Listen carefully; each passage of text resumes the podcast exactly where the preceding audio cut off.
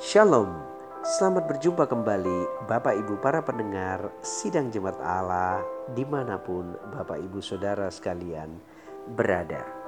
Saya percaya Bapak Ibu Saudara sekalian dalam kondisi yang sehat, diberkati oleh Tuhan, dipelihara dalam segala kebaikan dan kemurahan Tuhan.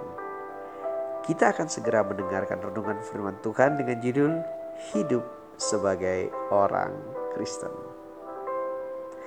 Teks kita terambil dalam 1 Petrus pasal yang keempat ayat yang ketujuh sampai dengan ayat yang ke-11. Di situ dikatakan, kesudahan segala sesuatu sudah dekat, karena itu kuasailah dirimu dan jadilah tenang, supaya kamu dapat berdoa. Tetapi yang terutama, kasihilah sungguh-sungguh seorang akan yang lain, sebab kasih menutupi banyak sekali dosa. Berilah tumpangan seorang yang lain dengan tidak bersungut-sungut. Layanilah seorang akan yang lain sesuai dengan karunia yang telah diperoleh tiap-tiap orang sebagai pengurus yang baik dari kasih karunia Allah. Jika ada orang yang berbicara, baiklah ia berbicara sebagai seorang yang menyampaikan firman Allah jika ada orang yang melayani, baiklah ia melakukan dengan kekuatan yang dianugerahkan Allah, supaya Allah dimuliakan di dalam segala sesuatu karena Yesus Kristus. Ialah yang mempunyai kemuliaan dan kuasa sampai selama-lamanya. Nah, Bapak Ibu para pendengar yang dikasihi Tuhan, mungkin banyak di antara kita yang bertanya, bagaimana sih cara hidup orang Kristen yang sesungguhnya? Teks yang baru saja kita baca memberikan kita bagaimana kita hidup sebagai orang Kristen. Kristen artinya pengikut Kristus. Tentu kehidupan Kristus harus menjadi bagian kita. Nah, itulah sebabnya di dalam teks yang baru kita baca ini di situ diberikan petunjuk tentang hidup sebagai orang Kristen. Yang pertama, Bapak Ibu Saudara situ dikatakan, kuasailah dirimu dan jadilah tenang. Jadi orang Kristen harusnya bisa menguasai diri, Bapak Ibu Saudara. Tidak muntapan, tidak emosi, uh, tidak lepas kontrol. Orang Kristen harus belajar menguasai diri, karena di mana-mana orang hanya mau berbicara pada orang yang bisa menguasai dirinya. Jadi kalau Bapak Ibu mengaku sebagai pengikut Kristus, maka tanda yang pertama yang harus ada pada diri Bapak Ibu Saudara sekalian adalah menguasai diri.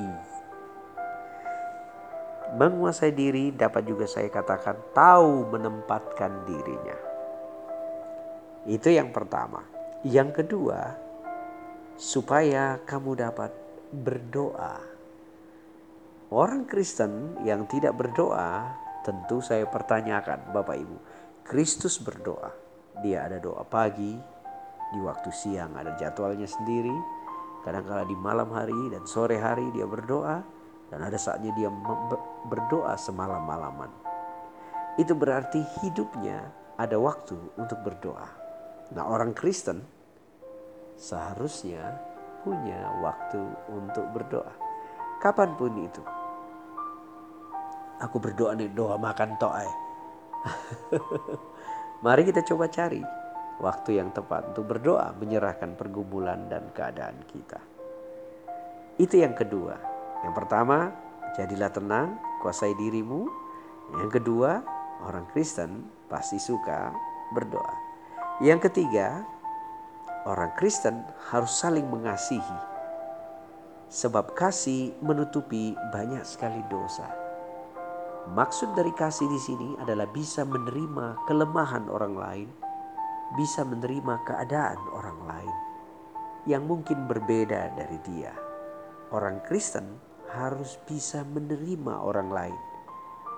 Siapa pun dia, latar belakang apa pun dia, keadaan apa pun dan apa yang telah dilakukannya. Bapak Ibu Saudara sekalian, menerima bukan berarti langsung menyetujuinya. Mungkin ada hal-hal yang kita tidak setuju dari ucapan, tindakan, dan perkataannya.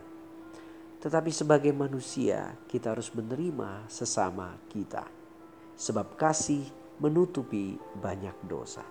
Orang yang diterima akan tentu sangat bersuka cita dan melihat kita bahwa kita hidup sebagai murid Kristus. Bapak Ibu, kasihilah seorang akan yang lain. Terimalah apa adanya orang itu. Tapi saya rindu dia berubah, Pak. Betul, perubahan hanya dikerjakan oleh Tuhan. Tuhan dapat memakai kita, situasi dan keadaan untuk merubah orang dari proses berdosa menjadi orang yang benar melakukan firman Tuhan. Bapak, ibu, dan saya pun pernah hidup di dalam dosa, tetapi sekarang Tuhan mengubahkan kita menjadi orang yang mengasihi Dia.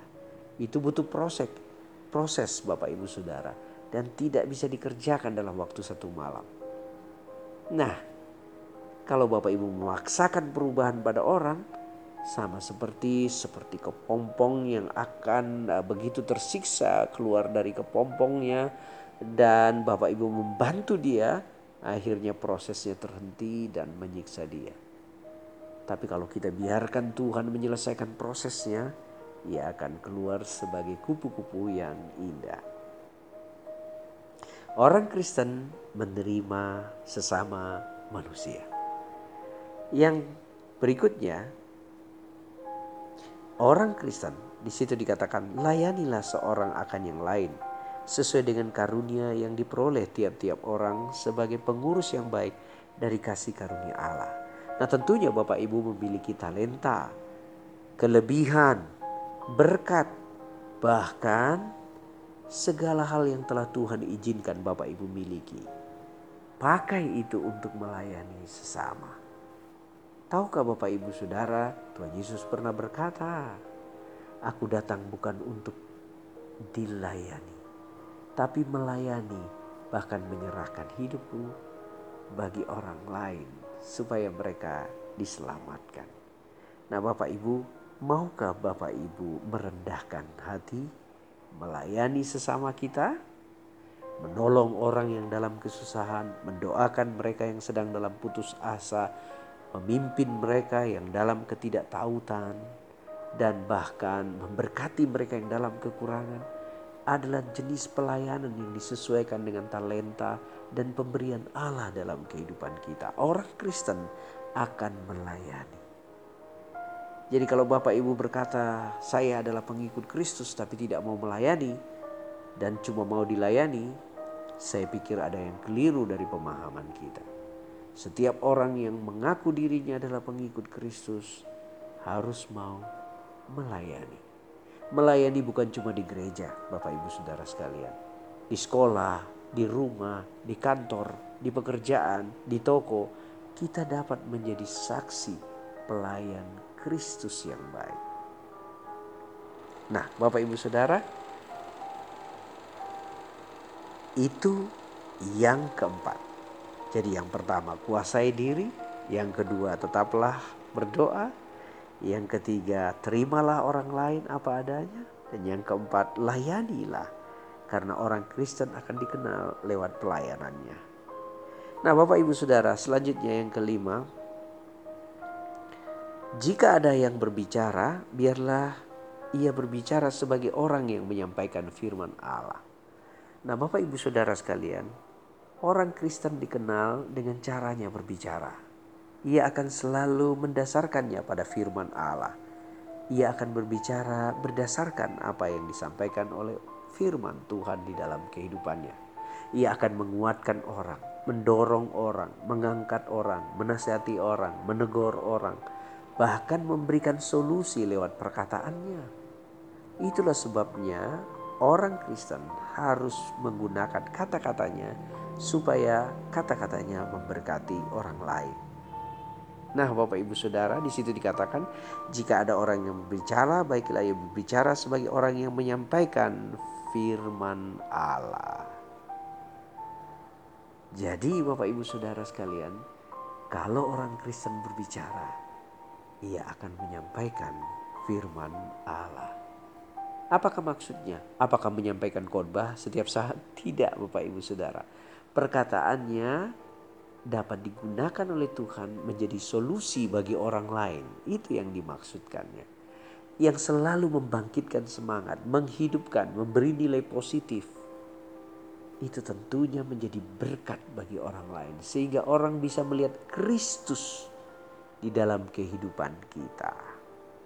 Nah Bapak Ibu Saudara, itulah hal-hal yang Tuhan tunjukkan bagi kita hari ini tentang bagaimana hidup menjadi seorang Kristen. Yang pertama, ia harus menguasai diri, gak oleh muntapan. yang kedua, ia harus suka berdoa Bapak Ibu, baik dalam hatinya, dalam jadwal-jadwalnya, dalam apa pun yang dikerjakannya. Ia berdoa.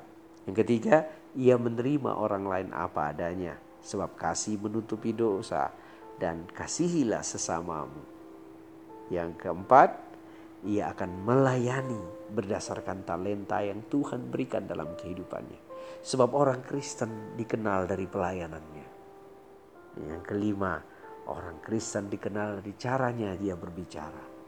Dia mensupport, mendorong, mengangkat, dan menguatkan orang lewat firman Tuhan. Tuhan Yesus memberkati kita hari ini Bapak Ibu Saudara sekalian.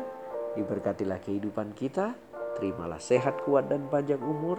Apa pun yang kita sentuh dan kerjakan hari ini, Tuhan membuatnya berhasil. Shalom.